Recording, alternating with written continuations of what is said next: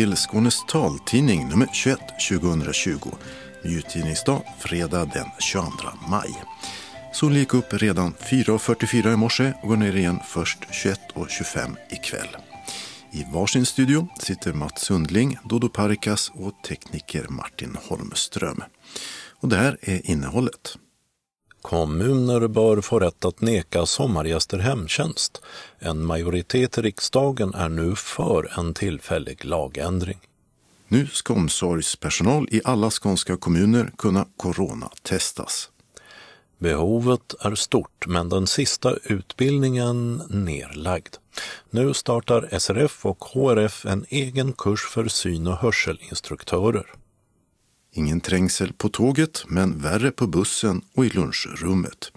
Så fixar två synskadade skåningar att jobba under pandemin. Forskning om näthinnesjukdomar fick störst anslag från Ögonfonden. I 30 år har åtminstone en pigg röst svarat när man ringt Skånes taltidning. Men nu får det snart räcka för vår kanslist Ulla Josefsson. Dags för rösten att bli månadens ansikte. Och nu kan en ny röst och ljudet av tassar höras på taltidningen. Vi tar en titt på hennes efterträdare, Andreas Vidén. Öppnat och stängt på det med butiker och bad och mer öppnat än stängt. Och så har vi testat det klassiska brädspelet Mastermind som nu finns i ljudform. Få måsten, men ett nummer för stora kläder i bäckebölja, linne och frotté. Ja, det är några trender i sommarens herrmode. Evenemangstips, så med vårfest, vandringar och syntolkad tv. Och kalendern med namnsdagar och husarexercis. Anslagstavlan därpå med lokala meddelanden och ändringar i kollektivtrafiken och den är gemensam för hela Skåne. Och allra sist, som alltid, redaktionsrutan. En majoritet i riksdagen är nu för att kommuner ska slippa ge hemtjänst åt sommargäster och för att under coronapandemin tillfälligt ändra socialtjänstlagen så att kommuner inte är skyldiga att erbjuda tillfällig hemtjänst åt de som inte är skrivna där. Detta eftersom Centerpartiet i förra veckan ändrade sig och nu gör gemensam sak med Moderaterna, Kristdemokraterna och Sverigedemokraterna som sedan tidigare krävt en lagändring. Ett 50-tal kommuner har sagt att de inte har resurser nog för att erbjuda hemtjänst till tillfälligt boende, medan andra sagt att de inte ser några problem med det. Nyligen förlorade Falkenbergs kommun i domstol efter att ha vägrat en kvinna hemtjänst i sommarstugan. Socialminister Lena Hallengren har tidigare sagt nej till en lagändring, även om hon uppmanat folk att stanna hemma. Men nu kan riksdagen uppmana regeringen att agera. Och när det gäller coronapandemin har Skåne som bekant hittills varit relativt förskonat jämfört med till exempel Stockholm och Danmark. I början av veckan fanns knappt 1300 konstaterade fall av smittade i Skåne med 138 avlidna i covid-sjukan medan ungefär 70 personer är så sjuka att de vårdas på sjukhus. Den största oron gäller här, som på andra ställen, spridningen i den kommunala omsorgen, som i hemtjänst och på boenden. Med på sina ställen bristande utrustning, utbildning och hygienrutiner. Var tionde särskilt boende i Skåne har nu fått in smittan. Och för att veta vem som bör jobba och inte började man i förra veckan coronaprovtagning på omsorgspersonal i alla skånska kommuner efter ett lyckat pilotprojekt i Kristianstad. Först ska det göras i liten skala som sen ska utökas successivt. Det uppgav Eva Melander som är smittskyddsläkare för Region Skåne på en pressträff. Synskadades riksförbund och Hörselskadades riksförbund startar en egen utbildning till syn och hörselinstruktör. För någon sådan finns inte längre i Sverige. Så förbunden som ser ett stort behov av kunskap om vad som kan göras när synen eller hörseln sviktar tar nu saken i egna händer. Karin Hjalmarsson på SRF och Iris förvaltning är utbildningsansvarig. Det här är ju en kurs som vi kör för första gången så vi hoppas att den blir bra. Det har ju inte funnits någon syn och hörselinstruktörsutbildning på tag nu. Det låg på Hagabergs folkhögskola i Södertälje. Men eh, där finns inga synkurser kvar och synhörselinstruktörsutbildningen har inte körts på flera år. Så vi vet att det finns ett antal personer som är anställda som synhörselinstruktörer som inte har fått någon utbildning och eh, vi vet att det finns en och annan kommun som också tänker sig att anställa.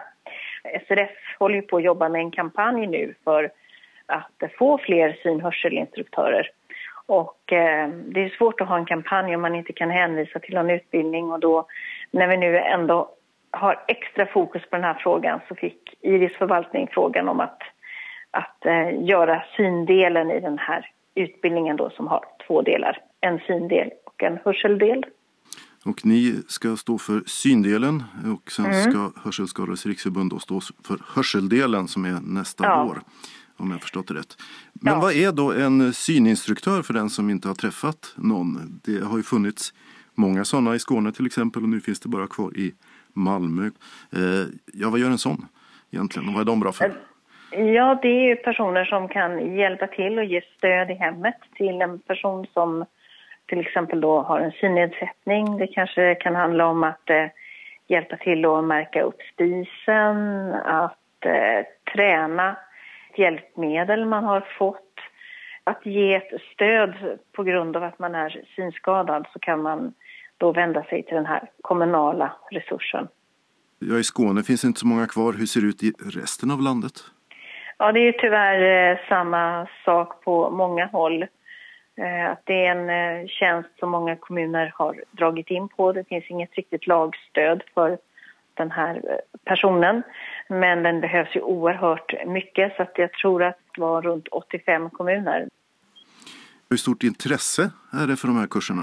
Har ni fått några anmälningar än? Ja, vi har faktiskt fått anmälningar redan. Ehm, jag kan inte säga att de har strömmat in, men vi har fått. Och eh, vi har många som har hört av sig på olika vis och som väntar besked från sin chef. Och vi har också privatpersoner som har hört av sig och som skulle vilja bli synhörselinstruktör. Men man ska också komma ihåg att vi har också sagt att den här utbildningen inom synkunskap då som vi kallar den, den kan man gå ändå. Ska man bli synhörselinstruktör måste man gå båda. Men eh, det finns väldigt lite kompetensutveckling för personal som arbetar med synskadade. Och eh, då kan det här vara en sån utbildning som man skulle kunna gå. Så att vi vill bredda målgruppen på så sätt. Och där har vi fått frågor från personer som vill jobba med synskadade.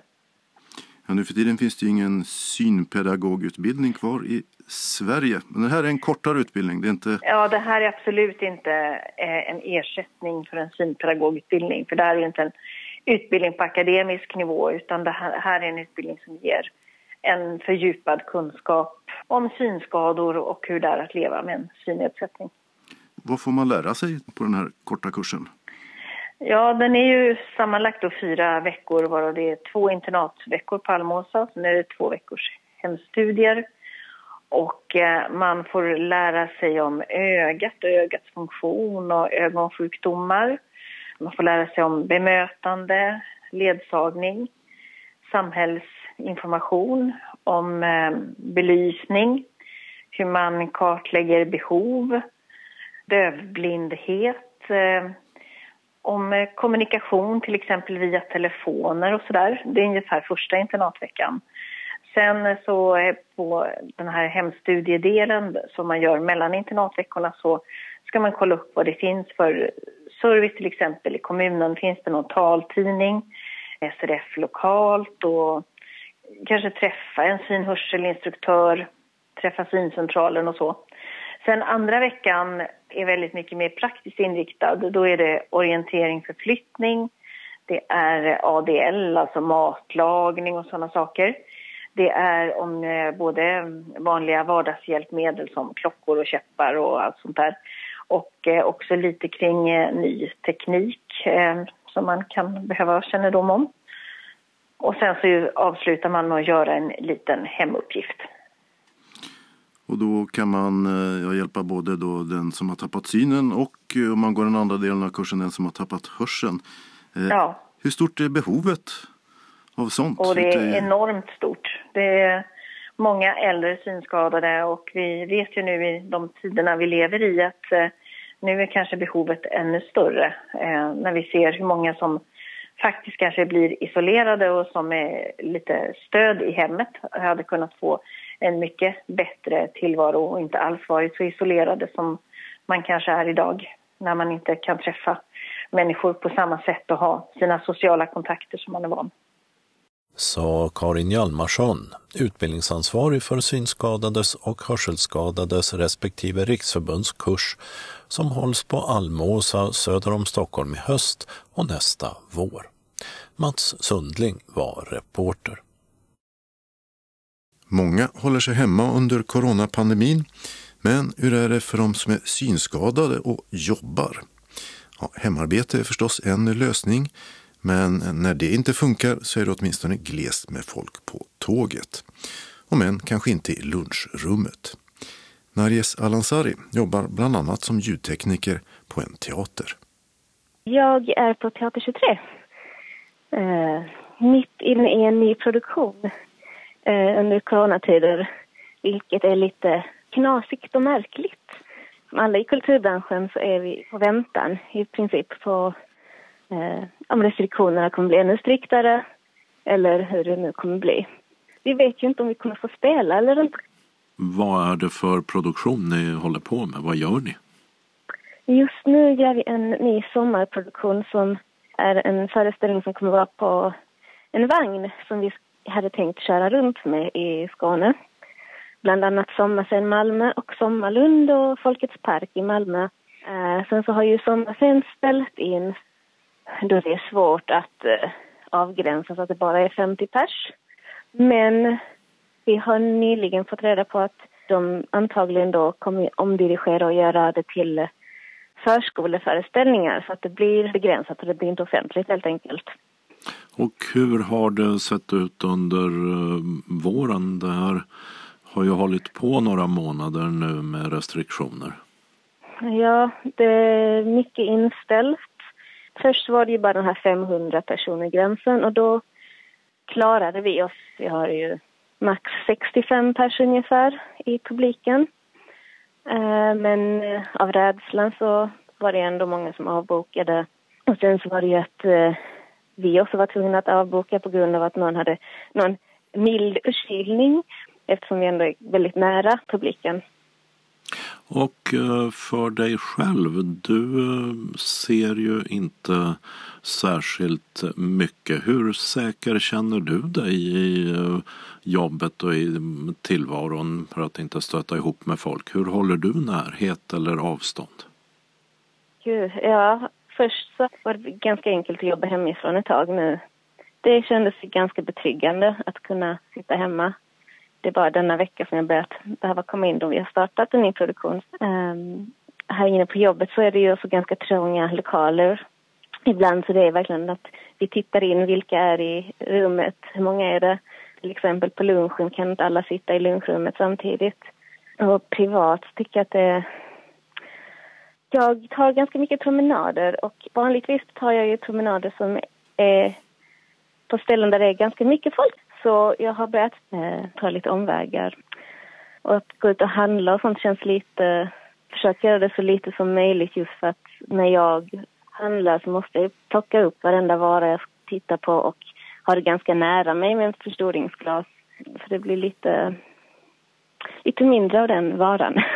Och ditt jobb på Teater 23, vad är det du gör? Jag är ljudtekniker och gör syntolkningarna också som eh, då är digitala. Så jag får sitta och eh, programmera in i ett program all ljud i föreställningen och eh, kör detta under föreställningens gång också. Och eh, syntolkningarna, räknar du med att få synskadad eh, publik så att det finns någon som kan ta del av syntolkningarna? Under coronatid, jag tror inte riktigt att det kommer bli så mycket av den varan ett tag framöver faktiskt. Tyvärr. Men eh, vi fixar ändå så att det finns i alla fall till en av våra föreställningar som förhoppningsvis kommer igång igen till hösten. Det sa Narjes Al-Ansari som både bor och arbetar i centrala Malmö och kan gå till jobbet. Men synspecialisten Reine Gunnarsson i en annan del av Skåne, han har däremot en del arbetspendling. Ja, jag jobbar 80 eh, procent eh, fyra dagar i veckan på Iris Hadar. Så jag delar då min tid mellan Kristianstad och Karlskrona. Och eh, du befinner dig på bägge ställena men du bor inte på något av dem? Jag tar mig med buss till Kristianstad oftast eftersom den bussen går precis runt hörnet från där jag bor här i Bromölla då och eh, med tåg till Karlskrona. Men eh, nu har vi gått in i en period när vi jobbar delvis på, på distans då. Så att som det ser ut just nu så är jag en dag i veckan i Kristianstad och en dag i Karlskrona. Och de andra två dagarna så jobbar jag hemifrån. Och um, finns det någon känsla av att du känner dig orolig för att uh, åka iväg i smittotider? Alltså, ärligt inte så mycket för egen del. Det är väl i så fall mer så att säga att man vill vara säker på att man inte smittar andra eh, så att man verkligen ser till att man är symptomfri. Jag kände mig lite snuvig här innan i veckan och då valde jag att stanna hemma. I normala fall hade jag kanske inte gjort det. Och eh, när du åker buss och, och, tåg, känner du dig säker? Uh, tåget tycker jag det sköts väldigt bra. Man sitter bara på vartannat säte och just nu så åker det väldigt få människor. De här tågen som jag åkte till Karlskrona till exempel var ju smockfulla innan och nu är de ju knappt halvfulla. Däremot kan man väl säga att bussen är ju, ja, man sitter lite tätare så att det är klart att man tänker mer på det där. Hör jag rätt att det är eh, några skrapanden i golvet från hundtassar runt dig just ja, nu? Ja, det, det, kom precis en eh, Timmy här och kikade in. Och hur är det att ha med sig ledarhund? Förstår folk runt dig att man ska hålla avstånd till hund och uh, hundförare? Jag har ju hört en del signaler från andra delar av landet på motsatsen men för egen del så upplever jag att det är nu folk håller avstånd. Tidigare kunde det ju vara några gånger i veckan att man kunde komma fram och i bästa fall då fråga om, om man fick klappa till. Det har inte hänt på tre månader nu beroende på det här med fysisk distansering så att säga. Och eh, vad är det du gör konkret i eh, ditt eh, jobb? Jag jobbar som eh, synspecialist och utbildare då på Iris Hadar inom arbetsmarknadsutbildning för personer med synnedsättning. Men träffar du människor direkt i kurssituationen nu också? Nej, nu har vi ju fått direktiv från Arbetsförmedlingen som är då är vår uppdragsgivare att vi ska hålla så mycket som möjligt utbildningen på distans. Eh, så vi, vi har inga gruppträffar alls och vi har någon enstaka individuell möte med eh, personer då som har, har velat det och där det har varit personer som inte har tillhört riskgrupper.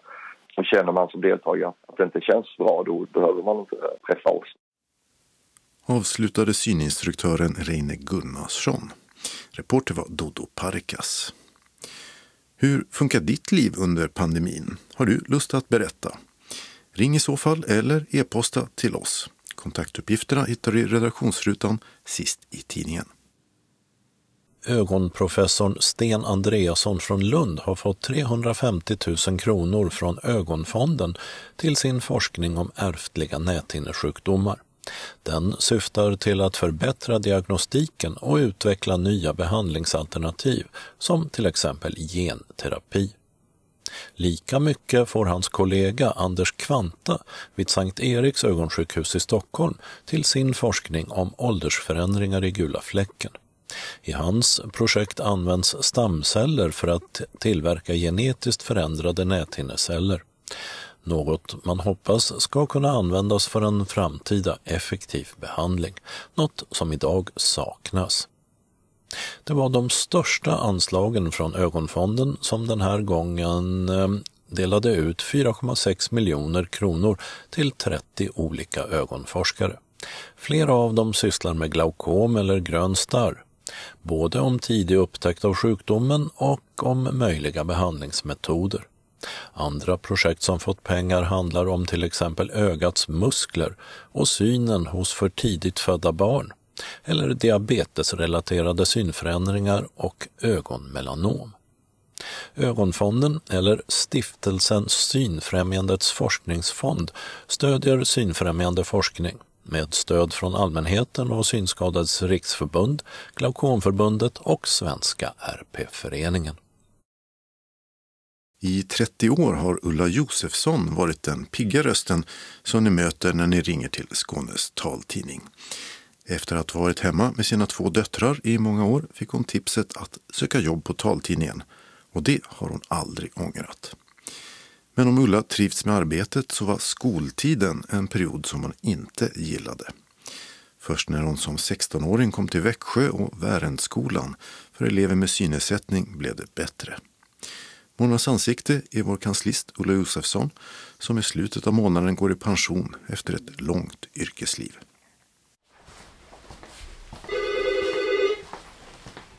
Skånes taltidning Ulla. Vad kul!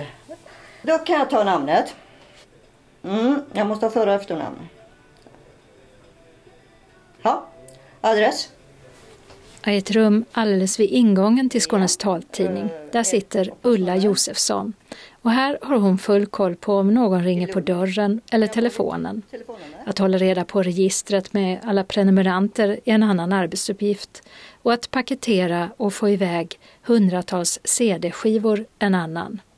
Men dagen den börjar tidigt. I de flesta fall om tågen vill som jag vill så är jag här runt eh, fem över halv sju. Och hur har det varit att gå upp så tidigt varenda morgon i massor av år? En aning segt men man vänjer sig. Och sen gäller det ju det att det klaffar ungefär i anslutningarna. Så kaffet vid eh, halv nio, det, det har du längtat efter? Ja, det är alltid populärt. Kaffe det kan man inte vara utan alltid. Men hur kommer det sig att du är här så tidigt? Vi har ju alltid samåkt, jag och Stefan. Och han ska ju till Hässleholm, för jag åker ju med honom på tandemcykel upp till Kävlinge. Och för att det ska klaffa för honom så har vi fått göra så. Och nu mera, även om vi inte cyklar, så har vi inte så många bussar ner till Kävlinge. Vi har bara en i timmen. Så det är kollektivtrafiken som ställer till det? Ja, det är det. Det är den som styr alltihopa.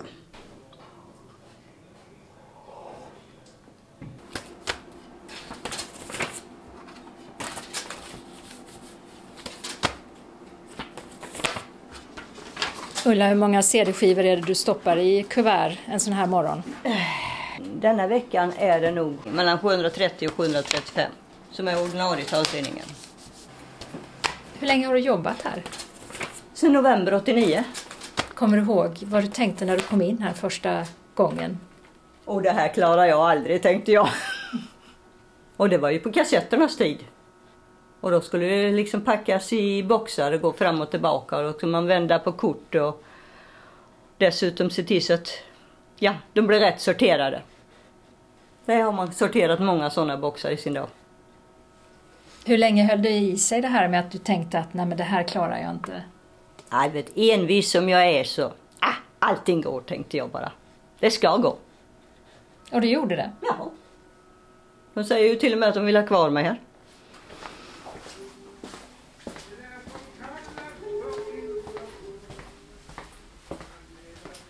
Sen när man ser på väggarna här i ditt arbetsrum ja. så är här två bilder med lila pågatåg på. Hur kommer det sig? De bilderna är faktiskt riktigt historiska, de här.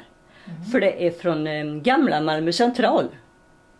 Och det är det första tåget, elektriska, som gick till Ystad. Men det här med tåg, det är någonting som ja, intresserar dig? Det ligger inom familjen så att säga. Har man en som jobbar med tåg så smittar det. Vet och om det är några problem någon gång med tågen, då vet du det. Ibland händer det ju att eh, min sambo ringer och talar om det men ibland så ser man det när man kommer ner på Triangelns station ju.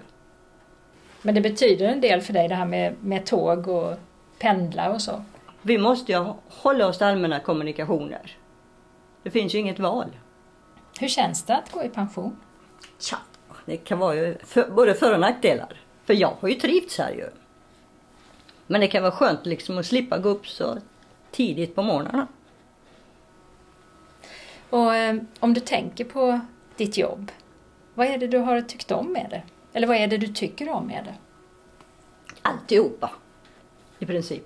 Jag tycker det är kul att ha något att pilla med. Jag kan inte bara sitta rakt upp och ner på en stol. Vad tror du är det viktiga för att man ska vara en bra kanslist?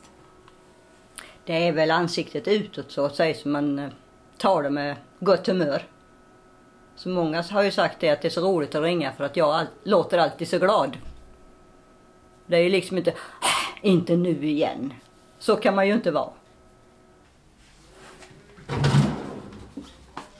Ska jag bara först skriva ut en fuskelapp. Vad är det du ska göra nu? Jag ska skriva ut hur många som har gått iväg som vi ska skriva på följesedeln. Det är bara det. Hitta musen, det är det jobbiga tycker jag. I och med att jag har så inskränkt synfält. Den där lilla, lilla Ja, pilen. den är inte det roligaste att hitta. Där är den. Så. Nu ska det komma en följesedel. Men Ulla, här tillbringar du dina dagar, då, dina vardagar. Men sen eh, så gör du en massa annars också. Jag har ju massvis att pyssla med om jag bara vill. Jag har ju en trädgård som kräver jobb liksom nu när det är sommar. Och dessutom så är jag ju väldigt aktiv inom... Är det någon som vill ha något virkat till exempel så ställer jag upp och gör det. Köp garnet och släng hit det till mig säger jag, gör jag det. Jag har väl gjort en över 50 sängöverkast i bomullsgarn till exempel och det, jag tittar ju inte på det utan jag känner ju maskerna. Men ska vi ta och åka hem till dig och se vad det är du hittar på i trädgården och även prata om virkningen och alla saker som du håller på med där? Visst kan vi göra det. Vi har, vi har skickat iväg sju lastbilslass med sten här. Och vi beger oss till Stävje, några mil från Malmö i Kävlinge kommun. För här på en lugn villagata med både radhus och villor bor Ulla och hennes sambo Stefan i ett ockragult hörnradhus. Här har de bott i 22 år. Och i trädgården tillbringar de båda mycket tid. Jag vet inte hur stor den är men vi har väl ända upp till tojorna där uppe så vi har även den slänten.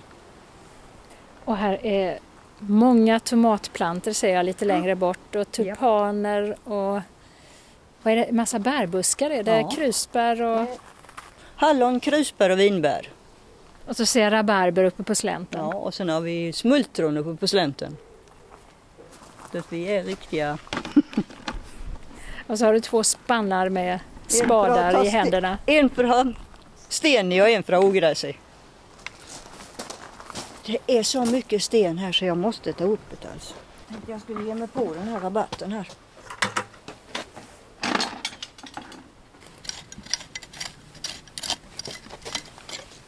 Tycker du det är roligt att vara ute och arbeta? Ja, jag tycker det är kul för att eh, det är ju så att säga, man får anledning till att ge sig ut ju, inte bara sitta inne. Det är ju bättre att utnyttja det och eh, odla någonting istället för bara att springa efter en gräsklippare. Nu ska du få den där frågan. Hur ser du ut? Ja du, det är svårt att beskriva det, tycker jag. Jag vet knappt själv hur jag ser ut, höll jag på sagt. Men jag är inte så lång. Jag är knappt 1,60 lång. Och har haft mycket brunare hår än jag har nu, för nu börjar det så smått att bli lite gråaktigt. Men det är kanske inte så konstigt. Och det är inte kort utan du har långt Nej, det är hår. lite halvlångt. Jag trivs bäst med att ha det så här. Och vad har du för färg på ögonen? Ingen aning. De är lite blågröna tycker Ja, jag. det kan hända. Och så är du ganska smal. Gör det? Mm. ja, det är jag. Jag är rätt smal. Mm. Fast jag har alltid fått höra att jag är så tjock. Men Men var är du uppvuxen? jag är född utanför Ulricehamn. Så jag har gått skolan i Ulricehamn. På landet eller? Ja, ja. Oh, ja. Jag bodde precis vid Finnekumla kyrka när jag växte upp. Och eh, det är ju inte så långt ifrån eh, Birgit Sparres föräldrahem. Och det är många som känner till henne eftersom hon är den, eh, har skrivit mycket böcker. Den serien Gårdarna runt sjön till exempel. Det handlar om det där jag är ifrån. Hur var uppväxten där? Tråkig. fanns inga jämnåriga med mig utan det var bara gamla gubbar och tanter så att säga. Enstöringar. Så vad gjorde du? Ja, vad gjorde jag? Ingenting i princip. Till slut så lärde jag mig att virka. För jag hade så dålig slöjdlärare när jag gick i skolan så hon sa ju alltid ta hem det till din mamma så gör hon det bättre. Det lärde man så mycket på. Hur var det att gå i skolan? Ja, det var också rätt tråkigt för jag blev ju så mobbad bara för inte jag såg så bra. Det hette ju att jag var ett blindstyre om det heter så. Men nu har man ju fått reda på efteråt utav en, en kompis som jag hade att de som var som elakast vid mig, de skulle vilja be mig om ursäkt nu. Det var för att du såg dåligt som du blev mobbad? Ja, det var det. Helt och hållet bara för det. Totalt utfrusen. Så eh, när började du liksom att eh, tycka att, att det var roligt, att det inte var tråkigt längre? Ja, det var väl när jag kom ner till Växjö. Då började jag tycka liksom saker och ting började bli roligt. Där liksom förstod de ju mer. Att man kan göra saker och ting även om man inte ser så bra. Så det liksom peppar de upp om man säger så. Så du fick mer självförtroende? Ja, mycket mer på det viset. För hemma fick man ju inget självförtroende alls. För det hette ju bara, det blir bättre om jag gör det. Så det var ingen som gav dig tid? Nej, icke. Det, det hade de inte. Så när du kom till Växjö, vad, var det liksom, vad upptäckte du då? Ja, då upptäckte jag att jag kunde göra många grejer ju. Jag fick ju lära mig att väva och där lärde jag mig att sy vissa grejer och allt möjligt. Och det här med handarbete, det, det har du haft med hela tiden? Jaha, det är det roligaste jag vet sen jag lärde mig det. Så det tycker jag redan ramar avkopplingen. Och vad är det du eh, virkar? För det är virkar du gör mest?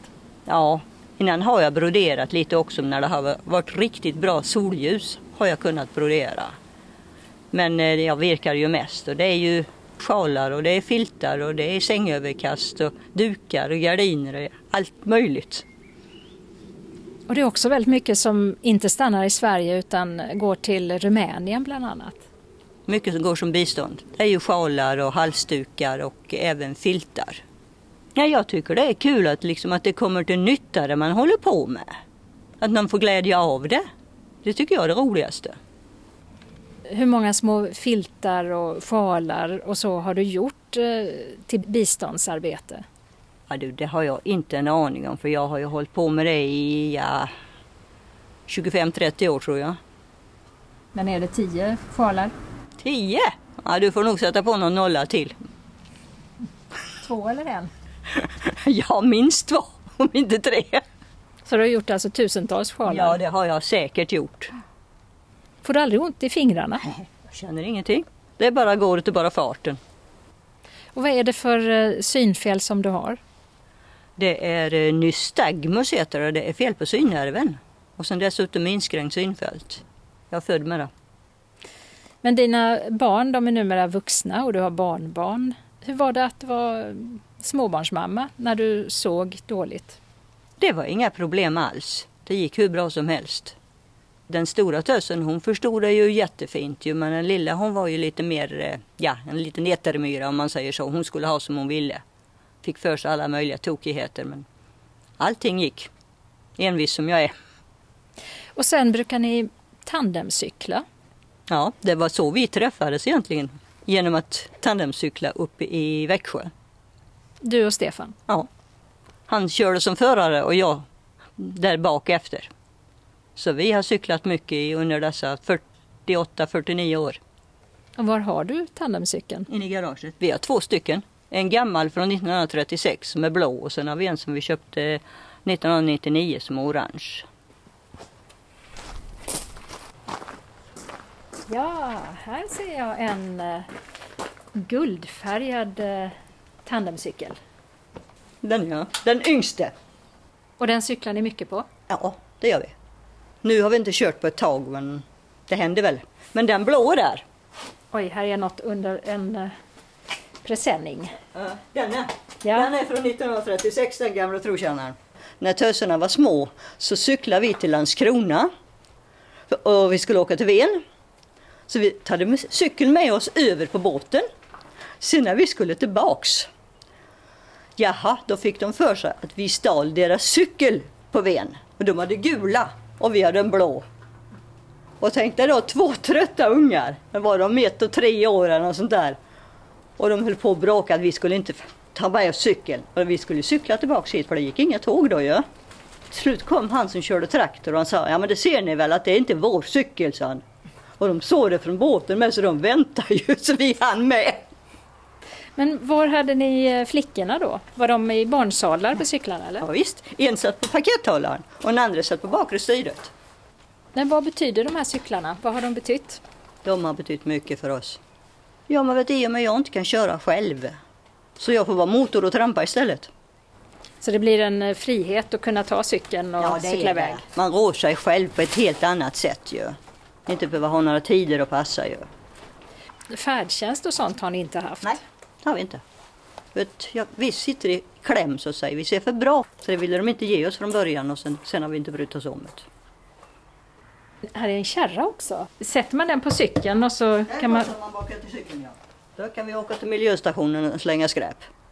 Vi handlar mycket liksom så ställer man det bara i kärran och så slipper man ha det på styret. Men det är mycket motion ni får när ni ska ta hem matvaror och slänga skräp och så. Ja, oh ja. Men det är bara härligt med motion. Det mår man bara gott av. Man måste titta framåt så säger det går inte liksom bara vara pessimist och liksom ja det går inte och det går inte. Men det här att du då tittar framåt, tror du att det har hjälpt dig mycket i livet? Jag vet inte det. Men det är väl det jag, det ska gå. Jag är optimist. Och envis? Ja, det kan du hoppa på sätta det på att jag är, på sagt. Men det är väl därför jag har kommit så långt som jag har också. Är du intresserad av musik? Radion går väl alltid i princip ju, precis som på jobbet och dansbandsmusik tycker jag är jättebra om ju. Då är det mest eh, Flamingokvintetten eller något sånt där. Det bara blev så när jag var i tonåren. Och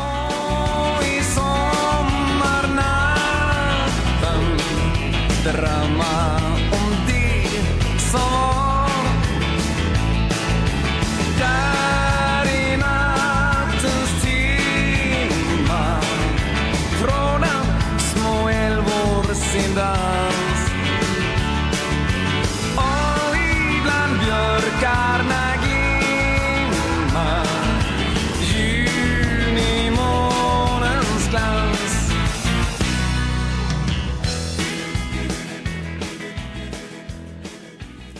Sist hörde vi Flamingokvintetten med låten Där näckrosen blommar. Och maj månads ansikte, Olle Josefsson, intervjuades av Åsa Kjellman Erisi. Och Ulla Josefsson lämnar just nu över stafettpinnen till sin efterträdare som får presentera sig själv. Andreas Widén heter jag. Jag är 31 år, bor i Landskrona. 1,74 lång. Ehm, jag har några kilo extra och jag har ett lite ovalt eller lite rundare ansikte. Jag har kort hår, skägg, klär mig ofta i jeans och t-shirt. Ja. Synstatus? P och L. Positionering och lokalisering. Jag kan eh, se ljus. Eh, och lokalisera var ljuset kommer ifrån. Jag kan också uppfatta lite färger i rätt ljus och så. Ögonen är blå kan jag se. Eh, och du har kanske lite nystagmus, alltså Mm. lite ögondarrning. Ja, Tycker man oh ja. mycket. Har det alltid varit så? Att du har sett dåligt eller inget? Eh, jag har kunnat se eh, en del tidigare eh, på mitt eh, högra öga. Jag har varit blind på vänster öga sedan jag var bebis. Men eh, tidigare så har jag haft mer syn. Men det, det har försvunnit. Jag blev av med nästan all syn för ungefär två och ett halvt, tre år sedan. Jag sitter här i dörren till Ullas rum och bredvid mig, eh, jag sitter på skrivbordet här, eh, ligger en vit käpp också. Hur är det med orienteringen? Jo, det är bra. Jag har fått beröm från min eh, synpedagog som tycker jag är duktig. Och nu sitter du här och eh, skolas in av Ulla Josefsson, vår kanslist sedan evigheter tillbaka, eller på att säga. Hur sköter han sig? Jättebra. Ja. Vad har ni gjort idag?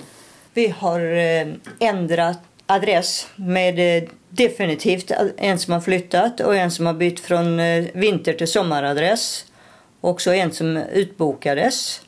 Jag bara sa hur han skulle göra och sen ja, fixade han som ingenting. Så det kommer säkert att gå jättebra det här. Ja, en väsentlig del av jobbet här är att hålla reda på prenumeranterna, vem som ska ha vad. Och hålla reda på oss andra också. eh, en skillnad är att Ulla, du ser lite grann med förstoringsprogram men eh, bredvid det ordinarie tangentbordet här ligger en punktdisplay. Du är punktläsare och ganska duktig på det har jag förstått. Andreas. Ja, ja, jag är väl inte världens snabbaste men, eh, men ja, nej, det, det går bra. Du kommer härifrån från en tidigare anställning hos polisen. Vad var det du gjorde där? Jag eh, skrev ut förhör. Med bovar och banditer? Ja, ja. och ja, med vittnen också. Ibland andra som, som kunde liksom vara, bidra med information till utredningar och så. Poliser de intervjuar eller förhör människor och så spelas det in på band. Mm. Och det kan bli ganska långa förhör jag misstänker. Det kan det, absolut. med alla stakningar och mm och ö och sådana här mellanljud. Vad var det värsta du fick höra? Det får jag ju faktiskt inte uttala mig om. Eh, för jag har tystnadsplikt. Men ehm, det eh, kan vara jobbigt att eh, lyssna när det finns människor som av olika anledningar blir väldigt känslomässigt påverkade. Och att det i sin tur kan, kan påverka mig som, som lyssnade på det. Bor i Landskrona men det har du inte gjort hela livet. Var, varifrån kommer du? Eh, Torekov från början. Eh, sen har jag flyttat runt en del och nu har jag hamnat i Landskrona. Utbildning, har du någon sån? Jag har tidigare pluggat här i Malmö och läst ett program som heter Socialpedagogiskt arbete inom funktionshinderområdet. Utbildningen var ju inriktad ganska mycket på olika typer av LSS-verksamheter. Så de eh, hade ju målsättningen från utbildningens sida då att som pluggare skulle kunna arbeta egentligen med lite vad som helst med en eh, funktionshinderinriktning. Det låter ju intressant. Varför jobbar du inte med det då? Nej, eh, det visade ju sig att det var ganska så svårt för mig att komma in eh, i någon sån verksamhet. Och sen när mitt liv förändrades i och med att synen försvann mer och mer så, så kändes det väl kanske mindre aktuellt just med att jobba i, i liksom LSS-verksamheter just så. Eh, och ja, då fick jag tänka om och då blev det administration istället. Och mer av det blir det ju här. Minnesgoda lyssnare och läsare av Skånes taltidning kanske känner igen din röst från eh, tidigare inslag. Du har bakat en vegansk sockerkaka. Ja. Har du gjort. Och så var du med på en reklamutställning i Landskrona just också. Mm. Ja, vad gör du annars i ditt liv? Ja, eh, jag sjunger i kör. Jag tycker om att eh, laga mat och framförallt äta mat. eh, jag tycker också det är kul att spela spel. Eh, datorspel, rollspel, Dungeons and Dragons med några kompisar. Det är väldigt roligt. Ja, annars gillar jag lite så här, sköna grejer, meditation, liksom hälsa, sundhetsgrejer, alternativ medicin. Sen får vi inte glömma bort att du har ju sällskap med dig här också eh, som ligger tyst. Ska vi hälsa på din ledarhund Ja, det kan vi göra. som ligger i kopieringsrummet där vi kopierar alla CD-skivor. En eller ett par gånger i veckan. Och där är en grind som står för dörren nu.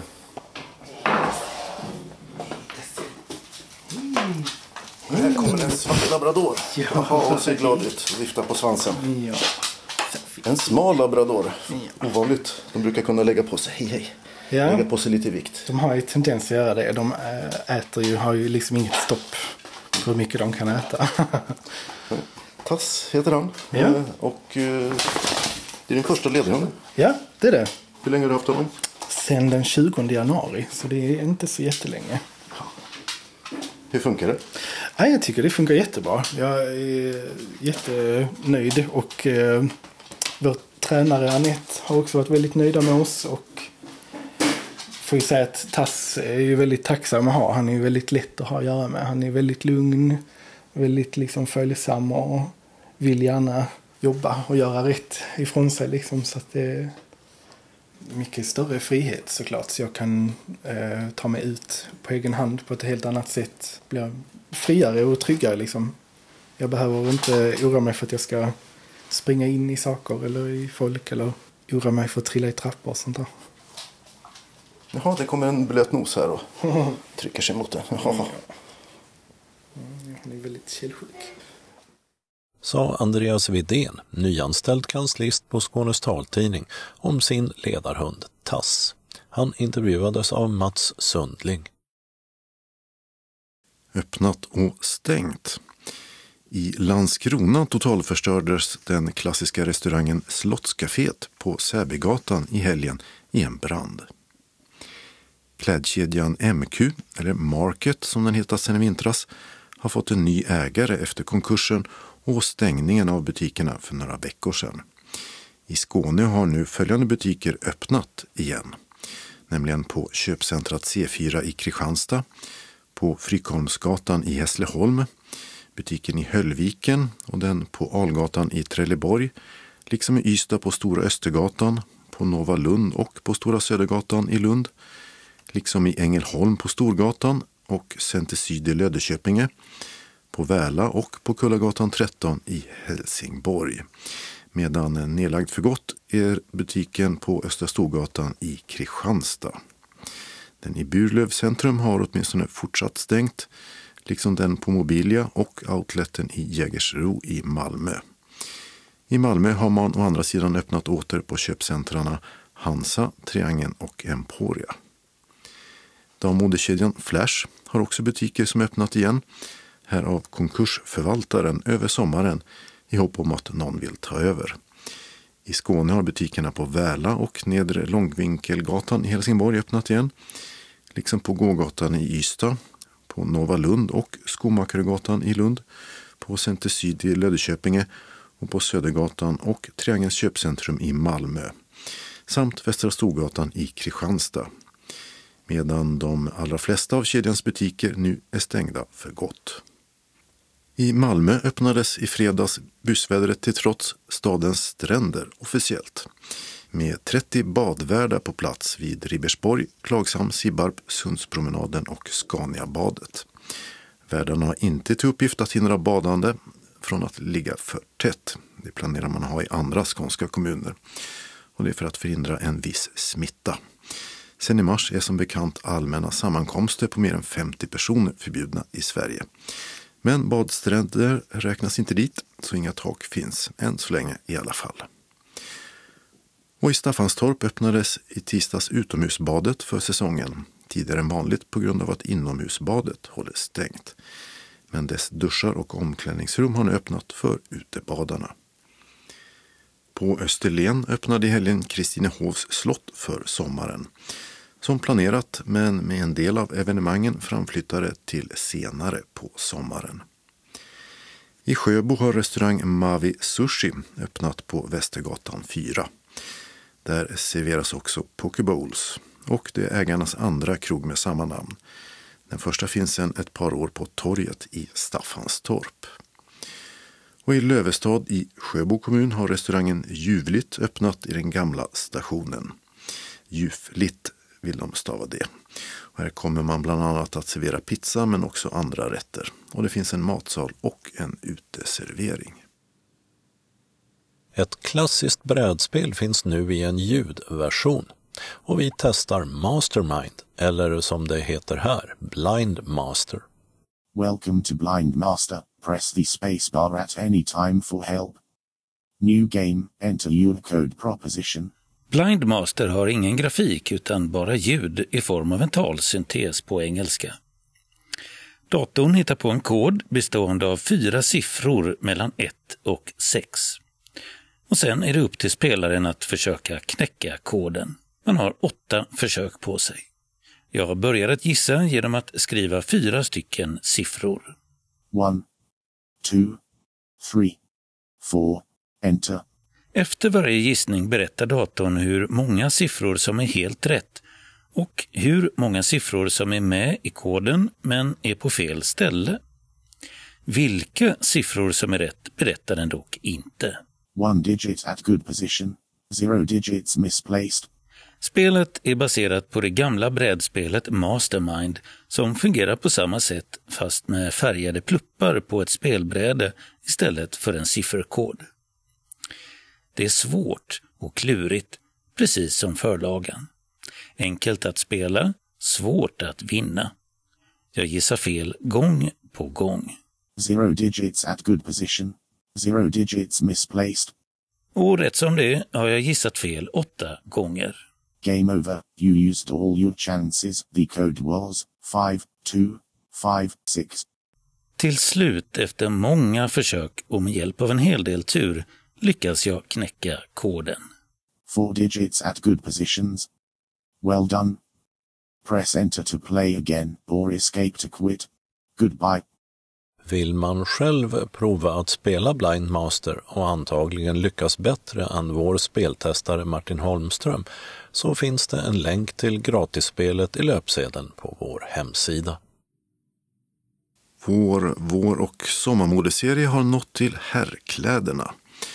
Uppklätt avslappnat är ett motto för försäljaren Jonas Hansson som dock först tar fasta på en klar färg som sticker fram bland sobrare naturlinjefärgade, mossgröna och gråa butiker. Nej, och gråa toner i butiken där han jobbar.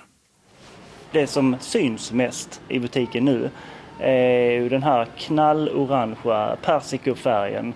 Vi kallar den för en popfärg. Att det får hela kollektionen att poppa lite grann. Är du och köper utemöbler till exempel så finns det alla de där svart och vita plastmöbler ute och så har de en som är knalllila eller någonting för att oh, väcka uppmärksamheten. Så en popfärg som sagt. Eh, Jag har sett en hel del knallgult, kanariegult ute på gatan. Har ni det också? Ja, som också är en sån här popfärg. Men det är så spännande att se just den gula. Det är fler och fler som man ser har det på sig eh, och som eh, fler än vad jag, vad jag trodde skulle anamma den gula färgen. Sen har du linne. Linne är ju verkligen någonting som hör våren och sommaren till. Som har en väldigt speciell känsla just när man har det på sig. Det är lite, lite rough fast väldigt svalt och skönt. Och den andra punkten som jag skulle komma till är Bäckebölja, på engelska Searsucker. Också eh, en grej som finns både i kortärmade skjortor här nu och som hel kostym faktiskt. Och där är det så, om jag har fattat det rätt, att man väver tyget med olika sorters tråd och sen tvättar man det och då drar delar av ränderna så att säga ihop sig medan andra inte gör det. Ja, det är ungefär så jag har fått för mig också. Vad har då Johan Hansson själv på sig? Ja, inte Eh, Bäckebölja kostym, men affärens kläder sitter där de ska. När jag jobbar i butiken så är det ju viktigt att jag är en levande skyltdocka här. Så att jag har våra chinos på i en ljus, ljus grön härlig vårton. En Oxfordskjorta, en eh, lite halvgrov eh, bomullsskjorta med eh, knappar på kragen, så kallad button down. Man mäter den här button down-kragen i fingrar. Hur många fingrar kan du få in? 60-talsmodsen hade väl bara tre fingrars eh, button down, tänker jag. Och grovheten gör att det blir uppklätt, men samtidigt lite avslappnat. Och det är det som är själva tanken här. Istället för en t-shirt under så har jag en väldigt tunn stickad tröja. Vanligtvis så har man ju skjortan under och man har tröjan över. Eh, men genom att vända på det så blir det en ganska häftig effekt också. Om du skulle plocka ihop ett urval till någon som vill klä sig från topp till tå och det som känns lite det senaste. Det som är absolut mest just nu är oversized. För stort. Precis, för stort är själva tanken att det ska vara. folk efterfrågar liksom workwear och liksom oversized för att det är väldigt, väldigt inne nu. Så är det överallt ser du det. Vi här till och med på Brothers som ska liksom vara mittfåran om man säger så av, av modebilden har ju fått till oss att bara alla dockor ska kläs en storlek större. Ta på en storlek större för att det ska se lite, inte baggy, men det ska se lite löst och avslappnat ut. Jag hör fler och fler komma in här och som efterfrågar just lite vidare, lite större. Och det är kul för att vi har vissa plagg, liksom, eh, speciellt en, en byxa som är väldigt eh, efterfrågad. Som har lite frontveck, eh, lite vidare modell, eh, slag ner till i en linne bomullsblandning med eh, spännen här så man slipper ha bälte utan man kan bara spänna i själva eh, linjen. Mm. Ja, det är verkligen ett spänne på sidan som man drar åt. En bakficka med knapp, sidställda fickor och de här Frontvecken, de här pleats som vi kallar det för. Vi klädnördar slänger oss med massa engelska uttryck hela tiden. Och det roliga är slagen ner till som förvånar och förbryllar folk. De bara, va? Är det inne igen? Så bara, ja det är det, igen. Kolla på Elvis Presley på 50-talet. Kolla på den kostymen han har där. Den är så stor och den är så fyrkantig. Uh, och sen har den gått liksom smalare. Och 60-talet var ju en reaktion på det med, med modstilen och väldigt, väldigt smalt. På 70-talet så blev det liksom utställda byxor lite vidare. 80-talet, då är vi tillbaka på 50-talet. Det roliga är att det går i cykler hela tiden. Det som är nu, det är 80-tal, 90-tal som kommer liksom mer och mer tillbaka på olika sätt. Och längden, om jag tittar på vad uh, ungdomar har på sig ute så eh, de byxorna ganska, jag skulle säga ibland nästan ja, på halva vaden och eh, slutar där. Men de här är lite längre. Ja, de här är mer, eh, mer klassiska. Mer, alltså lägga sig lite grann över skon. Så. Eh, men visst, det är som du säger, det är väldigt mycket av modebilden nu. Lite halvhöga eh, skor för att möta upp de kortare byxorna också. Vi har varit hos er tidigare, det är väl en två, tre år sedan. Då var det väldigt mycket blått och väldigt mycket småblommigt. Blått ser jag. Men titta, här var ju lite småblommigt. Ja, lite grann. Men det är det här. Kortärmade skjortor i bomull linneblandning. Eh, det som är speciellt med dem är att de är lite vidare och själva kragen i sig. Jag tänker på liksom bowlingkrage. Eh, jag tänker på även så dartspelare lite grann som har den här 50-talsgrejen. Och jag tänker på kortärmad pyjamas. det är ränderna som gör det. I och med att de här är randiga så tänker jag att då, då ser man det mycket som en, eh, som en pyjamas. Men det spännande är när man ser det här i sitt sammanhang. Att det ska vara liksom avslappnat fast uppklätt. Uppklätt fast avslappnat. En stor skillnad nu när det är mycket kostymer som vi säljer till alla som tar studenten. Tidigare så var det mer klassiskt. Det var mer en känsla av att så här ska det vara. Svart kostym, vit skjorta, slips och, och blankpolerade skor. Lite så. Det är inte alls så nu.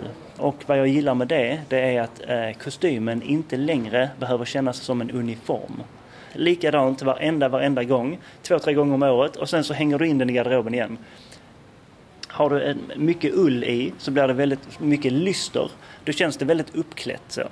De kostymerna som vi har nu har inte så mycket ull i sig längre. De är mer matta i materialet. Vilket gör att de går att kombinera, bära bara med en vanlig tunnstickad tröja eller en t-shirt under om man vill.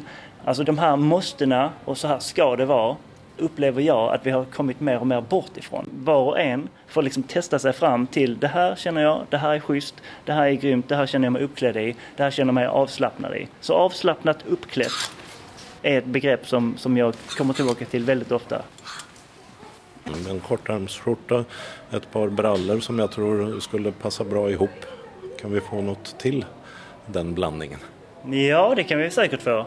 Ehm, jag tänker på, det finns två plagg som jag eh, har fastnat för den här senaste tiden. En är ju skjortjackan, eller overshirt. Den här har vi ju en, eh, en overshirt. Och det här är eh, helt och hållet i linne. Det finns inget facit för en overshirt eller en skjortjacka. Du kan bära den lite grann hur fan du vill. och jag tycker det är befriande. Många ser det som en väldigt tunn sommarjacka. Vissa ser det som en väldigt tjock skjorta. Här har du liksom nästan svart, mörkblå, grå variant. Och med bröstfickor. Och... Samma, samma bowlingkrage som vi snackade om innan som är lite grann sommarens grej. Var för, även förra sommaren och man ser det igen den här sommaren. Och lite grann det du pratade om, om workwear, alltså arbetskläder. Det här är, känns som att här har de varit framme och snott idéer från gamla arbetskläder. Det kan mycket väl vara så, det tror jag helt säkert. Nu pekar du här på någonting som frotté säger jag. Frotté, exakt. Ta med den här eh, och känn dig eh, avslappnat uppklädd. Det är alltså en, eh, en kortärms eh, skjorta, piké variant med knappar fram till, så nästan som en eh, kofta. Bröstficka med lock och den är samma, den här lite mörkare, eh, finns också i en grön ton. Det balla med det här är att eh, det, det, det blir en sån här revival-grej. 90-talet, då såg man mycket frotté. Eh, Retro-känslan på det fanns mycket då också. Och om vi nu snackar sommarplagg, så vilket är bättre än det här att ta med till stranden där du har både tröja och handduk i, ett. Det tyckte alltså Jonas Hansson som är försäljare på Brothers-butiken i Triangelns köpcentrum i Malmö. Reporter där var Dodo Parikas. Evenemangstips. Som vanligt i dessa ovanliga tider kan utlysta arrangemang komma att ställas in och informationen ändras. Men följande gäller när tidningen läses in. Vi börjar med syntolkade filmer och serier i tv som det förhoppningsvis inte finns någon anledning att ändra på. Imorgon, lördagen den 23 maj 20.00 visar SVT1 långfilmen Tårtgeneralen som bygger på underhållarna Filip Hammars och Fredrik Wikingssons debutroman.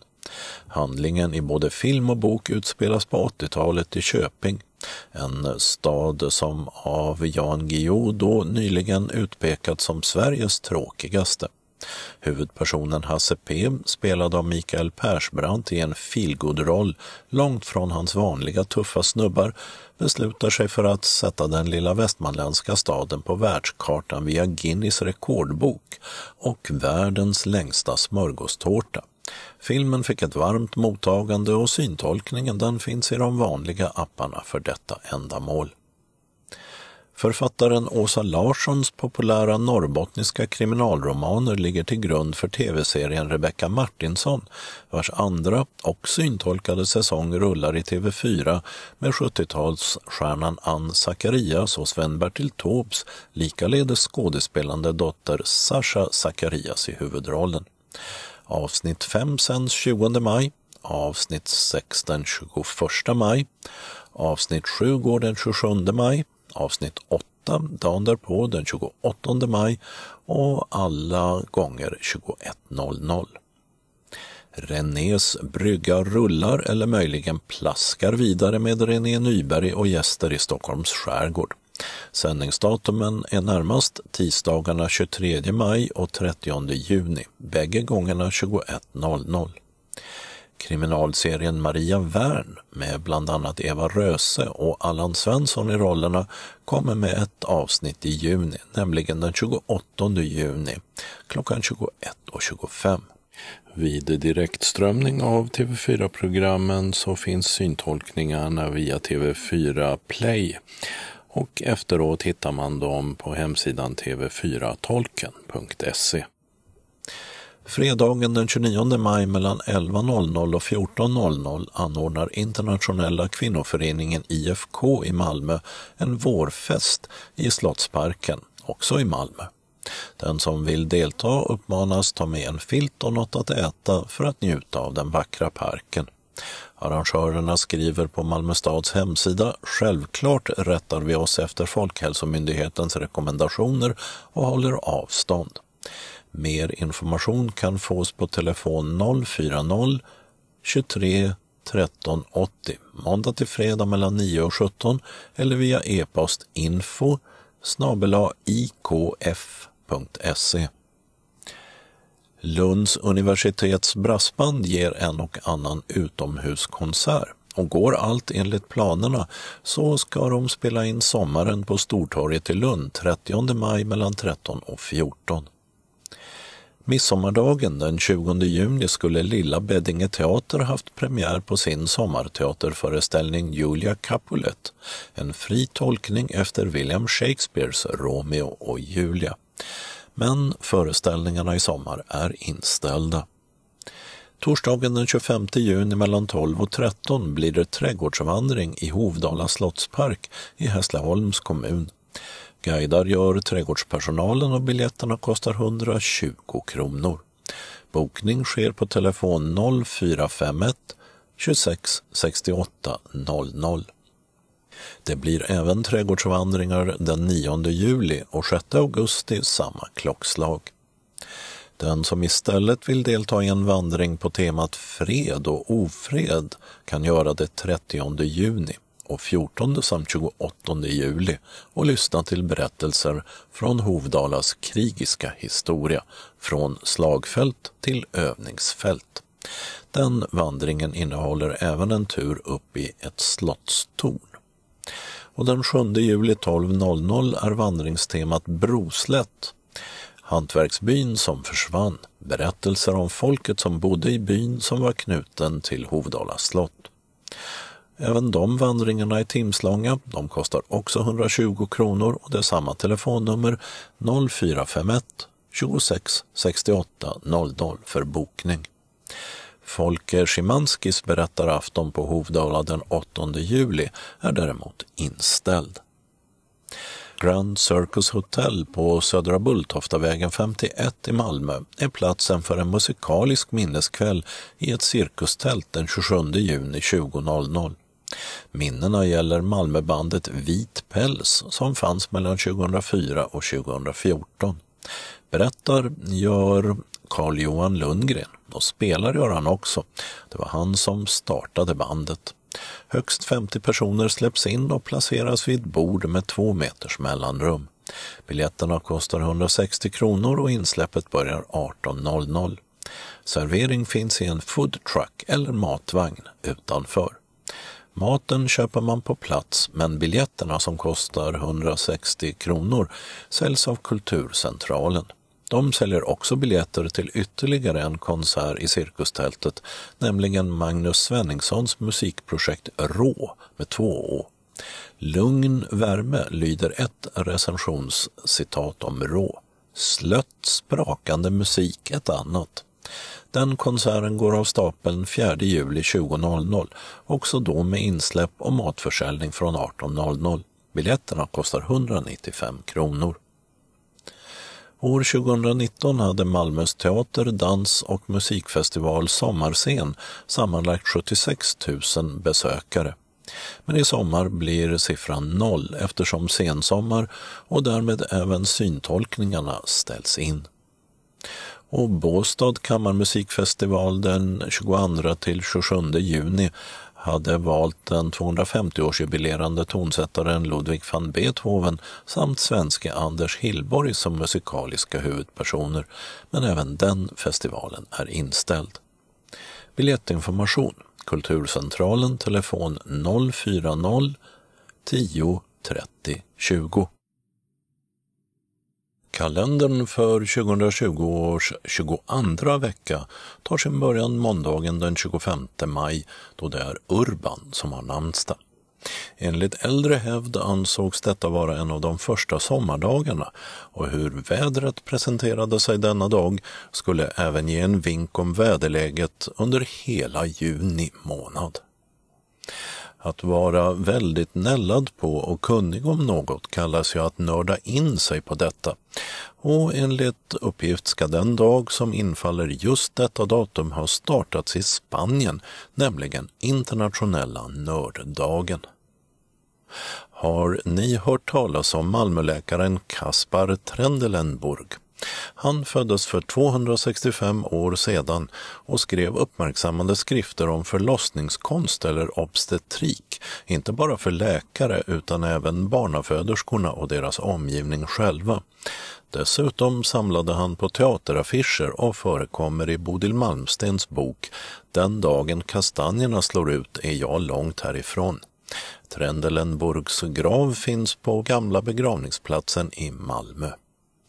80 år fyller regissören, författaren med mera Marianne Arne, född i Lund men uppväxt i Falköping, eller deporterad dit, som hon skriver i boken Falköpings fångna leoparder, som finns som talbok. En av flera av Marianne Arnes titlar som är inlästa i den formen. Tisdagen den 26 maj är Vilhelminas och Vilmas namnsdag och danskarna de flaggar för kronprins Fredriks födelsedag den 52 i ordningen. 120 år har passerat sedan den kända svenska sångerskan och författaren Katherine von Göben föddes. Inte hört talas om henne? Ja, det kan bero på att hon var betydligt mer känd som Karin Juel. Under det namnet finns nio böcker av henne tillgängliga i talboksform. Och vädret denna majdag sägs förebåda hur juli månad blir i just väderhänseende. Onsdagen den 27 maj har Beda och Blenda namnsdag. 45 år fyller den brittiske tv-kocken, kokboksförfattaren med mera Jamie Oliver. Hans italiensk-inspirerade krogimperium kraschade redan förra året utan draghjälp från något coronavirus, men rekonstruerades delvis. Olivers enda restaurang i Sverige, närmare bestämt på Stureplan i Stockholm, överlevde i sin tur till i mars detta år. Och för att fortsätta temat från veckans två första dagar så ska det genom att kika på vädret denna dag gå att förutsäga hur augustivädret i sin tur ska bli. Torsdagen den 28 maj är det Borghild och Ingeborg som har namnsdag. På dagen för 210 år sedan detta datum föll den svenske kronprinsen Karl August, ursprungligen var han dansk, av sin häst när han kikade på husarernas exercis på Kvidingehed. Senare avled han i sviterna efter vad som visade sig ha varit ett slaganfall och i och med Karl Augusts död ändrades den svenska tronföljden och den franske marskalken Jean-Baptiste Bernadotte kunde senare samma år, som var 1810, som val till ny kronprins landstiga i Helsingborg för vidare färd upp till Stockholm och ett liv under namnet Karl XIV Johan. Fredagen den 29 maj firar Jeanette och Yvonne namnsdag. Det är även veterandagen för att fira krigsveteraner, ursprungligen den internationella fredssoldatdagen för att hedra dem som har deltagit i FNs fredsbevarande insatsstyrkor. Och samtliga arrangemang inför publik i samband med det officiella högtidlighållandet av veterandagen i Stockholm ställs in på grund av coronapandemin. Det är även Hemvärnets dag, instiftad efter riksdagsbeslut detta datum 1940, någon månad efter att den tyska ockupationen av Danmark och Norge inletts under andra världskriget. Lördagen den 30 maj är pingstafton och Veronikas samt Veras namnsdag. Basilius har inte namnsdag för han fick bara vara med i namnsdagslängden till 1901. Och söndagen den 31 maj slutligen är både veckans och månadens sista dag. Det är dessutom både pingstdagen och mors dag. I Sverige fyller högtiden 101 år i år. Och namnsdag det har Petronella samt Pernilla. Nöjes och kalenderredaktör var Dodo Parikas. Anslagstavlan är idag gemensam för hela Skåne och innehåller bara lokala meddelanden och ändringar i kollektivtrafiken. SRF Västra Skåne, alltså för detta SRF Helsingborg Höganäs, har ett meddelande om stängt kansli. Efter regn kommer solsken, heter det. Vi hoppas att helgen blir fin efter en dyster och regnig vecka. Kansliet kommer att vara stängt från och med onsdag den 20 maj klockan 12 till söndag den 24 maj med en önskan om en trevlig lång helg. Lotta och Monica. SRF Lundabygden meddelar att styrelsen beslutat att bussutfärden den 5 juni till Åhus preliminärt är framflyttad till den 25 september medan midsommarfesten den 17 juni helt har ställts in. Och på grund av den rådande coronapandemin så uppmanas du att noga bevaka om även följande arrangemang berörs av förändringar i planerna. Med bästa kanslihälsningar SRF Lundabygden och dess styrelse. Synskadades förening SRF Trelleborg med omnejd meddelar sina medlemmar följande. Vår planerade teaterföreställning i juli är inställd eftersom Lilla Beddinge teatersällskap meddelat att sommarens föreställningar är inställda. Och vi avslutar med några tillfälliga ändringar i kollektivtrafiken. Där vi kan börja med att konstatera att Utrikesdepartementet förlängt sin avrådan från alla icke-nödvändiga resor till alla länder. Den 15 juli sträcker sig det nya beslutet till och då ska de göra en ny bedömning. UDs avrådan till resor är mer än råd, de har också en juridisk effekt. Bland annat brukar reseförsäkringar sluta att gälla. Något att tänka på kanske inför semestern när flera europeiska länder nu så smått börjat öppna sina gränser. I den mån det går några flyg så kommer ett antal av dem också kräva intyg om coronafrihet och liknande. Folkhälsomyndigheten och statsminister Löfven har rekommenderat att man håller sig i sitt hemlän i sommar för smittspridningens och sjukvårdens skull. I Hässleholm startade i veckan ett vägarbete vid korsningen Belevägen-Storbyvägen. Det gäller regionbusslinjerna 536 och 542 och deras hållplats Belevägen A som är indragen.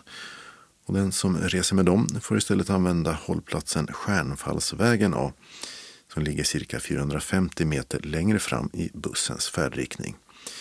Hållplatsen Belvägen B är också stängd och här finns en tillfällig stolpe på Storbyvägen cirka 400 meter framåt i bussens färdväg.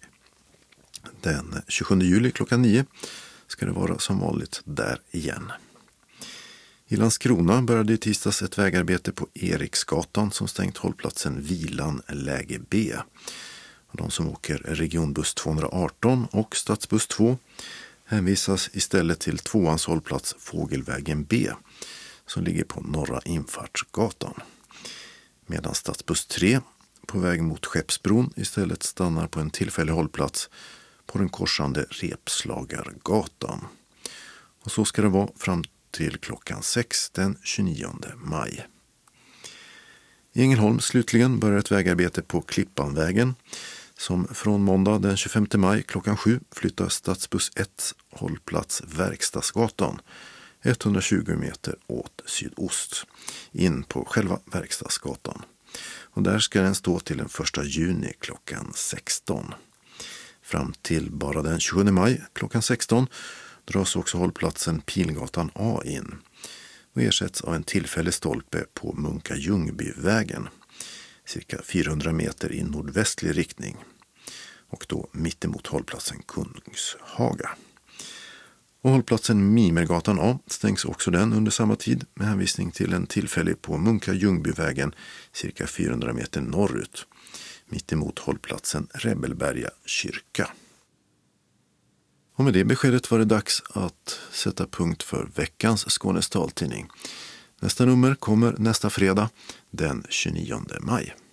Skånes taltidning ges ut av Region Skånes psykiatri och habiliteringsförvaltning. Ansvarig utgivare är Martin Holmström. Postadress Jörgen Ankersgatan 12, 211 45 Malmö. Telefon 040-673 0970. E-post Skanes taltidning snabela skane.se och hemsida skanestaltidning.se.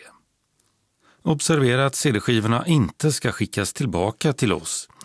Såväl skivor som kuvert kan läggas i brännbara sopor när ni inte längre vill ha dem. Vi hörs igen. Hej då!